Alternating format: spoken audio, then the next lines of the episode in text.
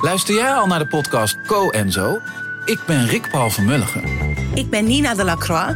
En samen met jouw man René voeden wij twee kinderen op in twee huizen. Co-ouderschap. We hebben het over alles wat je daarin tegenkomt. Maar ook over de juice tijdens onze kinderloze dagen, want die heb je ook in het co-ouderschap. Een podcast voor alle ouders in alle vormen, maar ook voor alle mensen zonder kinderen. Zijn we eerlijk, heerlijk herkenbaar. Dus luister naar Co en Zo in je favoriete podcast-app.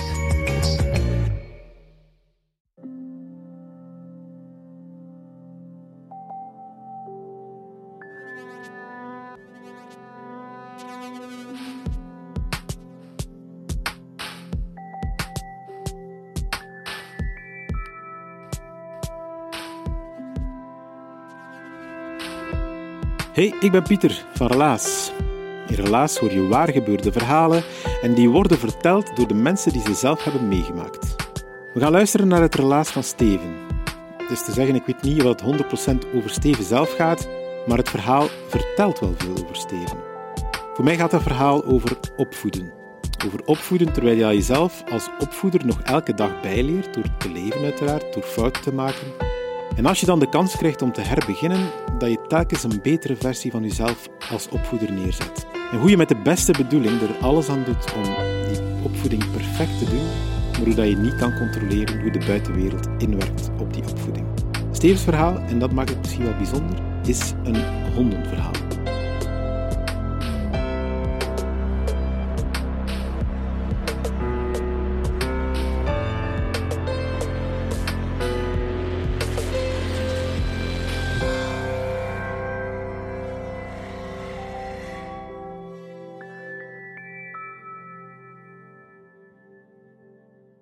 Hebben een hond. Negen jaar is hij ondertussen. Het is onze tweede. De eerste was een Airedale Terrier. Kop zo hoog. Koeken goed, koeken rond. En verschrikkelijk slecht opgevoed. Ja, beginnersfouten. Je koopt de hond de volgende dag in zijn kooitje en wij gaan werken. Komen s'avonds thuis, die hond is in alle staten verlatingsangst tot de rest van zijn leven. Met gevolg dat mijn tuin er meer uitzag als Ieper 1918. Hij is doodgegaan na zes jaar na het eten van een stuk glas, de slimmerik. Kun je nagaan. Maar goed, het verlies was groot. Het verlies was, pakte ons verschrikkelijk. Want de kinderen waren al een tijdje het huis uit. Wij waren blij om weer voor iets te kunnen zorgen. En dat viel weg. Mijn vrouw zei: Nee, ik wil geen tweede. Maar ik miste die dierlijke aanwezigheid in huis. Ik miste de aanwezigheid op de, op de wandeling. Want ik dacht: als ik geen hond meer heb, ga ik absoluut niet meer gaan wandelen. Dan zit ik thuis. Dus ik wou een hond opnieuw. Mijn vrouw zei nee. Maar na lang aandringen zei ze: Oké, het is goed, maar geen zo'n grote niet meer. Want mijn vrouw is 1,58 meter en half. En een Airedale Terrier is zo en nogal fors. Dat begon soms te lijken op Ben Hur 3 als hij op wandel was. Met twee leibanden, dat was niet te doen. Uh, ik zei oké, goed. En ik ging op zoek op het internet. En ik wou zeker weer een terrier. Want een terrier, dat, dat, is, een, een speciale hond. Dat is geen labrador of een boring retriever. Is een, is een hond met pit, met karakter. Het zijn boeiende honden. Als je aan een terrier duizend keer iets vraagt, gaat hij 999 keer niet doen, de duizendste keer wel, om jou te plezieren. Maar dan ben je weer vertrokken voor 999 keer. Ik kwam uit bij een Ierse terrier. Prachtige hond, roesbruin, als een vos. Altijd opletten als je in de open natuur gaat wandelen, dat ze jagers niet denken dat je met een vos op gang bent. Rechte kop, sik, wenkbrauwen, geplooide veeoortjes, zijn, zijn staart als een antenne achter hem aan, pintere ogen. Sprak mij wel aan. Niet te groot, schoft van 40, perfect. En ik wou dat deze keer wel echt goed doen. Niet zoals met die eerste hond. Ik wou een huishond en ik wist dat is de eigenaar, de baas die dat moet doen. Dat is niet de fokker of de kweker en dat is niet komt hij van, oké, misschien van Roemenië wel, maar goed, je moet wel opletten. En dus, ik ben heel mijn leven leerkracht geweest, tot zeer eh, recent, nu juist op pensioen. Dus ik dacht, ik maak dat ik een hond heb, begin juli, dan kan ik daar twee maanden mee bezig zijn. Dat wij echt een hond hebben. Want je hebt een hond voor 15 jaar. Niet met kerstmis, voor 15 jaar. Dus dat moest goed zijn. Ik ging op zoek. Er waren in België wat, wat fokkers van Ierse terriers, maar niet veel. Want eigenlijk in België is die niet echt populair. In Nederland wel, in Groot-Brittannië zeer. In België vond ik een paar fokkers, maar die hadden geen nestjes beschikbaar uh, voor mij, zodanig dat de puppy beschikbaar was in juli. Ik vond wel in Nederland een fokker, in Wochnum. Voor mensen die bekend zijn met de streek, nee, Wochnum is Noord-Holland, tegen Friesland, 100 kilometer boven Amsterdam. Uh, en die hadden, zag ik op de website, die hadden een, een nestje beschikbaar. Dus ik belde. En uh, ja, ja, ja, dat is goed. Wij, wij zetten je op de lijst. We zijn, ja, je bent geïnteresseerd, dat is heel goed. Kom eens kijken als ze geboren zijn, begin mei. Maar ik zag mevrouw, allee, 300 kilometer door, 300 kilometer terug voor een hond. Ja, ik weet het niet goed. En dat mens maakte zich zeer boos aan de telefoon. Zei, meneer, als je een hond wil, is het voor 15 jaar, wat ik juist zeg. Je hebt daar toch wel een ritje van 600 kilometer voor over. En met schaamrood op de kaken moest ik toegeven dat ze gelijk had. Dus eerst begin bij gaan kijken uh, naar die puppies, vriemelende dingetjes die daar lagen. We mochten ook niet kiezen. Uh, de eigenaars, de fokker zei, uh, vroeg, wat is jullie gezinssituatie? Waar wonen jullie? Hebben jullie een tuin? Ah, jullie zijn die leeftijd, geen kinderen meer in huis. Dus zij gingen ons een puppy toewijzen, wat geen slechte zaak is. Begin juli mochten wij de pub halen. Wij hadden ondertussen nagedacht over een naam. En de naam was Mick. En niet een adoratie voor een of andere rock-and-roll legende. Nee. In New York geeft men aan de verschillende nationaliteiten een, een bijnaam. Soms is het echt wel een scheldnaam. Als je in New York WAP zegt, dan gaat een Italiaan jou met een stiletto te, te, te lijf. Want dat is een scheldnaam. Maar men zegt crowd tegen de Duitsers, frogs tegen de Fransen. En tegen de Ieren zegt men een mik. Ierse terrier, voilà, de naam was gevonden, mik. Dus wij gingen het hondje halen, was direct thuis. Mijn vrouw zei direct, wat een moedig en dapper beestje. En dat was ook zo. En ik zei, ik wil het echt goed doen. Niet meer zoals de eerste keer. Dus ik zette elke nacht om twee uur mijn wekker. Ik sliep in de zetel beneden. Twee uur stond ik op, haalde het puppietje uit zijn bench, droeg hem altijd op dezelfde plaats in de tuin om zijn behoefte te laten doen terug. Zo heb ik dat weken aan een stuk gedaan.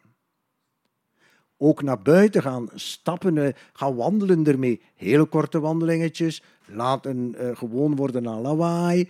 Uh, alleen laten, eerste minuut, dan vijf minuten, dan een half uurtje. Altijd vanuit de zolderraam kijken hoe reageert hij. Enfin, opleiden tot een tophond. Dan was het tijd om naar de puppyschool te gaan. De hond hadden wij van begin juli, dus eind september. En terriers zien ze niet graag komen in een, in, een, eh, in een hondenschool. Want een trainer heeft daar niets aan. Aan een herder, aan een labrador, aan een golden retriever. Dat zit, leg, hang, sta, plak. En die doen alles. Maar een terrier die doet dat niet. En de trainer die gaat zo altijd een klein beetje af. Hopelijk zitten er hier geen hondentrainers in de zaal. Uh, maar dat hadden ze nog nooit gezien. Zo'n terrier hadden ze nog nooit gezien. Er is zo'n oefening waarbij de trainer jouw hond vasthoudt en de eigenaar die moet zo 30, 40 meter verder zitten. En alle hondeneigenaars staan met de puppies zo in een erehaag opzij. En dan moet jij je hond roepen en dan moet hij naar jou komen. En dat is een circus die altijd leuk is om te zien. Die hondjes die lopen overal. Eerst om te spelen, dan een plasje maken, dan een kijken of ze weg kunnen lopen. De mijne, die liep linea naar mij. Hij was de held van de avond. Werd echt een, een hond die, die, ja, hoe zou ik moeten zeggen, in, bij de familie, bij de kinderen, bij de kleinkinderen, bij de vrienden. Hij was altijd de laagste in de roedel, zoals het hoort. Hij stelde zich nooit bovenaan. En een, plezier om mee te gaan wandelen. Twee wandelingen per dag. Een lange en een korte wandeling. En dat hing af van ons werk. Ofwel s'morgens een lange of s'avonds een lange. En mijn kort toertje was altijd hetzelfde. Ik kwam uit mijn achterdeur in, dat is de Brieversweg voor mensen die van Brugge zijn. Dus de Brieversweg achteraan, uit de garage. En dan zo blokje om. Tot 4 februari 2020.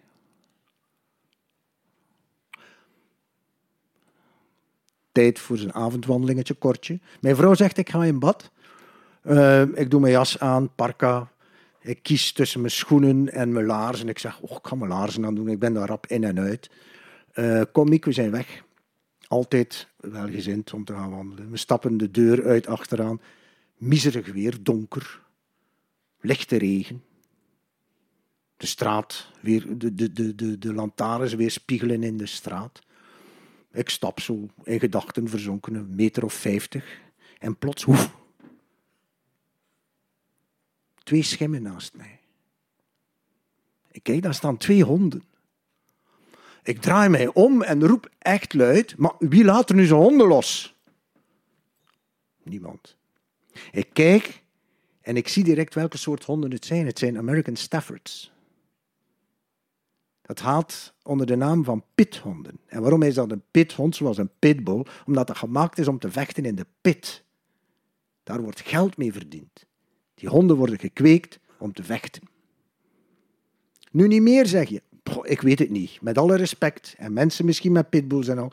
Maar voor 90% van de mensen die je met een Stafford of pitbull over straat ziet lopen, dan denk je, dat is niet voor de vriendelijkheid dat ze zo'n hond kopen. Voor een, een Stafford, voor mensen die het niet kennen, is een gedrongen hond, breed op de poten, een enorme kop, flapperende oortjes.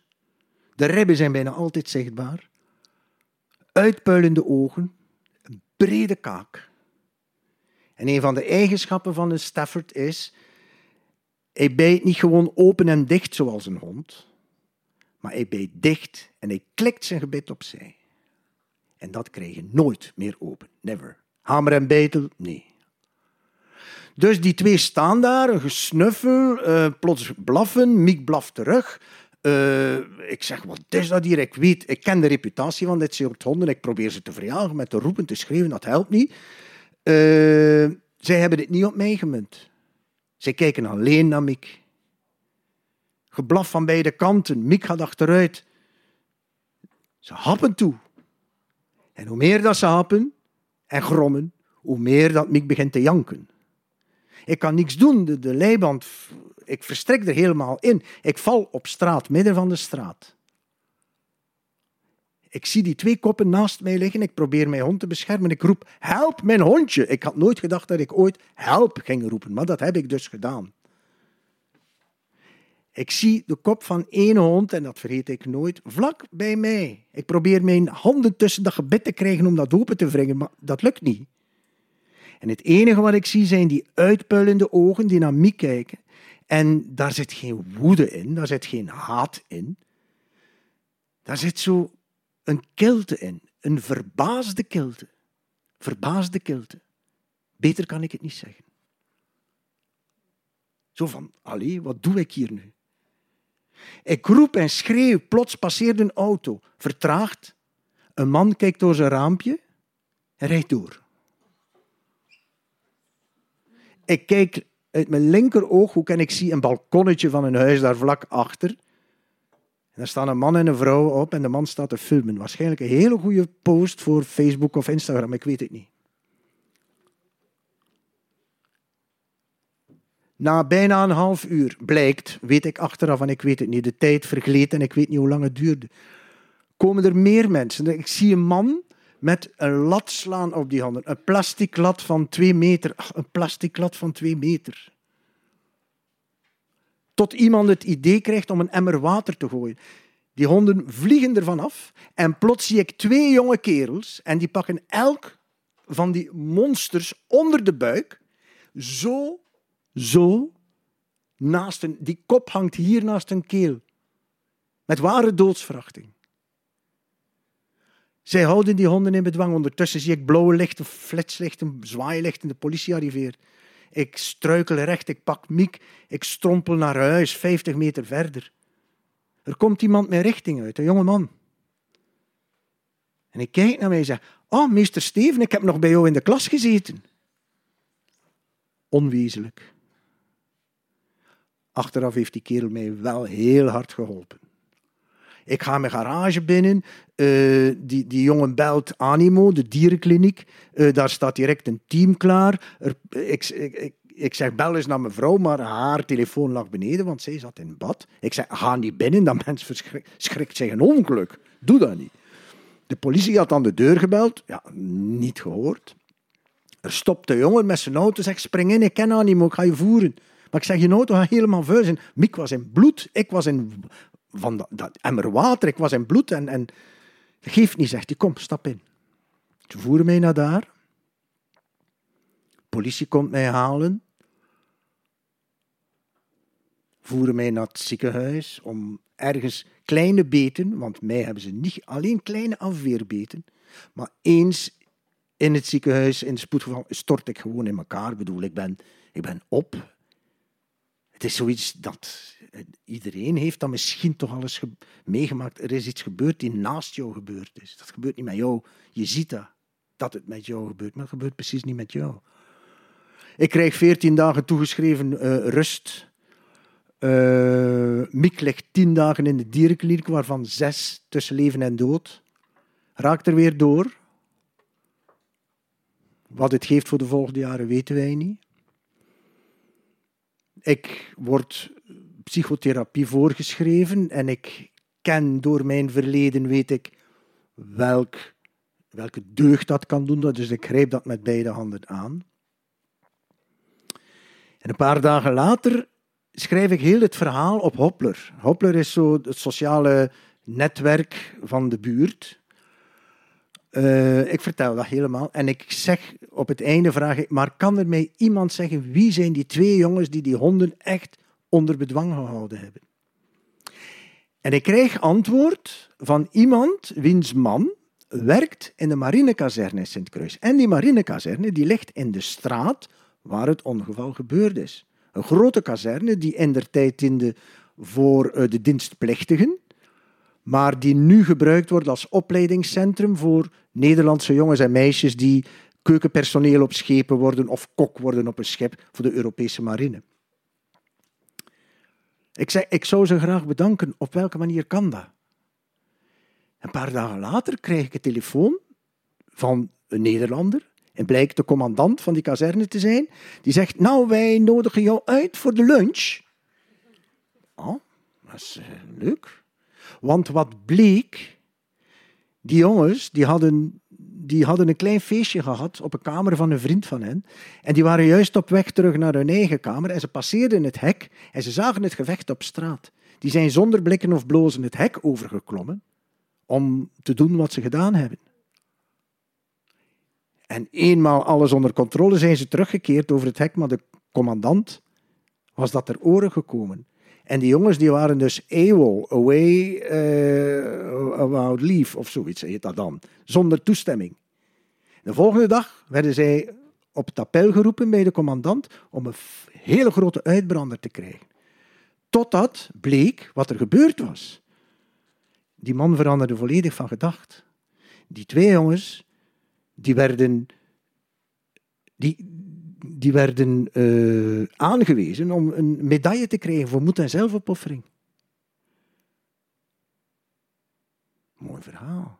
Dus wij kwamen op die lunch en daar zat de commandant met zijn hele staf en wij mochten aan de commandantstafel zitten, precies zoals je op een cruise bij de, bij de kapitein zit. Zo. En uh, op een bepaald moment ting, ting, ting. En de man gaf een speech. En die twee jongens kwamen uit de keuken in, in hun bevlekte schorten. En ze kregen die medaille opgespeld. Twee hele simpele kerels die zeiden: Nou ja, wij hebben ook nog van die honden gehad. ja, van de mensen zelf, van de eigenaars van die twee monsterlijke dingen, die tussen haakjes nog geen honderd meter van onze deur wonen, daar hebben wij nooit niks van gehoord. Geen kaartje, geen belletje, niet eens aan de deur geweest. Geen excuses. Oké, een hond kan ontsnappen. Iedereen die een hond heeft, weet, eventjes het poortje laten openstaan en is weg. Dat kan. Maar gebaren dat er niks gebeurd is, vind ik wel erg. En toen Miek uit de dierenkliniek kwam, was gaan wandelen met hem, was geen plezier meer, dat was een opgave.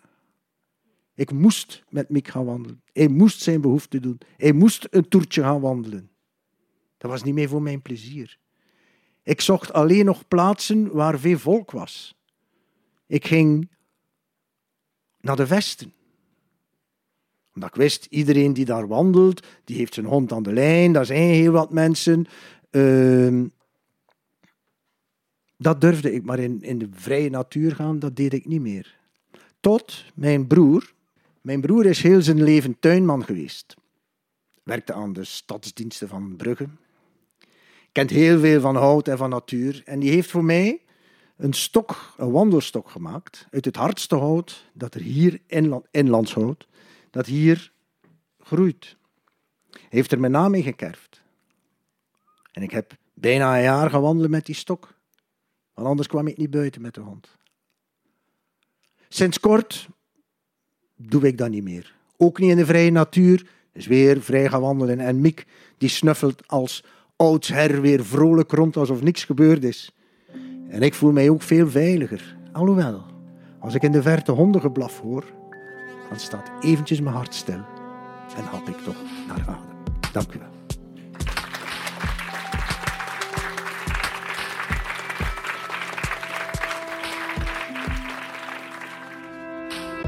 Dat was het relaas van Steven. Hij heeft het verteld in Brugge. Het was op de allereerste relaasvertelavond daar. We horen niet vaak hondenverhalen in relaas. Ik herinner mij wel nog het verhaal van Jonas. Uh, die vertelt over Macho. Dat is ook zo'n pitbull waarover je net hoorde. Je moet maar eens luisteren. Het verhaal heet Ronnie is een Gentse variant van Johnny. Als je dat intypt in Google, dan kom je het wel tegen. Maar het staat ook in ons relaasboek. En dit is dan het moment voor wat schaamteloze promo. Je kan ons relaasboek nog altijd kopen op onze website of op een van de relaasvertelmomenten in Gent, Antwerpen of Brugge. Relaas is er dankzij de steun van de dienst Cultuur van de stad Gent en van de Vlaamse gemeenschap. En dankzij een team van enthousiaste vrijwilligers die in Gent, Antwerpen en Brugge verhalen gaan zoeken. Die ze coachen, die ze op het podium brengen, die ze gaan opnemen live en daarna als podcast gaan verspreiden. Als je zin hebt om in een van onze relaasteams als vrijwilliger aan de slag te gaan, dan kan dat. We zijn altijd op zoek naar leuke mensen. Geef ons dan ook een seintje en dan nemen we contact op met jou. Maar helaas is er ook dankzij jullie, onze trouwe of nieuwe luisteraars. Ik vraag het elke keer opnieuw omdat het zo belangrijk is, maar ook omdat er telkens nieuwe mensen luisteren. Stuur dit verhaal door naar iemand aan wie dat je moest denken toen je het beluisterde. En wij horen elkaar terug bij een volgend relaas.